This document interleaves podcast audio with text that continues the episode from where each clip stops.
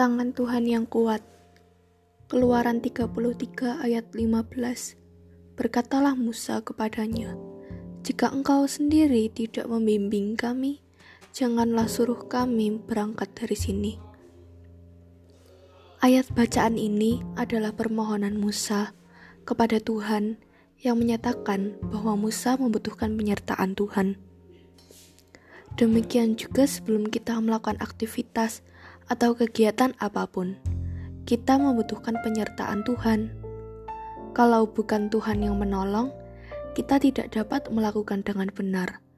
Selama kita berjalan bersama dengan Tuhan, ada tangan Tuhan yang kuat, selalu menolong dan membimbing kita. Keluaran 13 ayat 9b.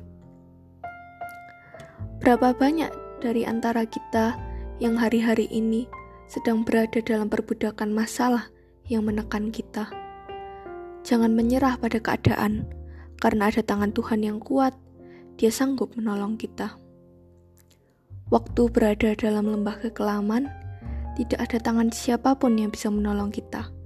Tetapi percayalah ada tangan Tuhan. Gembala yang baik itu siap menyertai kita. Ada gada dan tongkat gembala yang selalu siap membela dan membimbing kita. Kita bagaikan domba-domba yang lemah, tetapi kita tidak usah takut karena ada tangan Tuhan yang kuat selalu siap menolong kita. Itulah sebabnya jangan pernah menjauh dari Tuhan. Thank you and God bless you.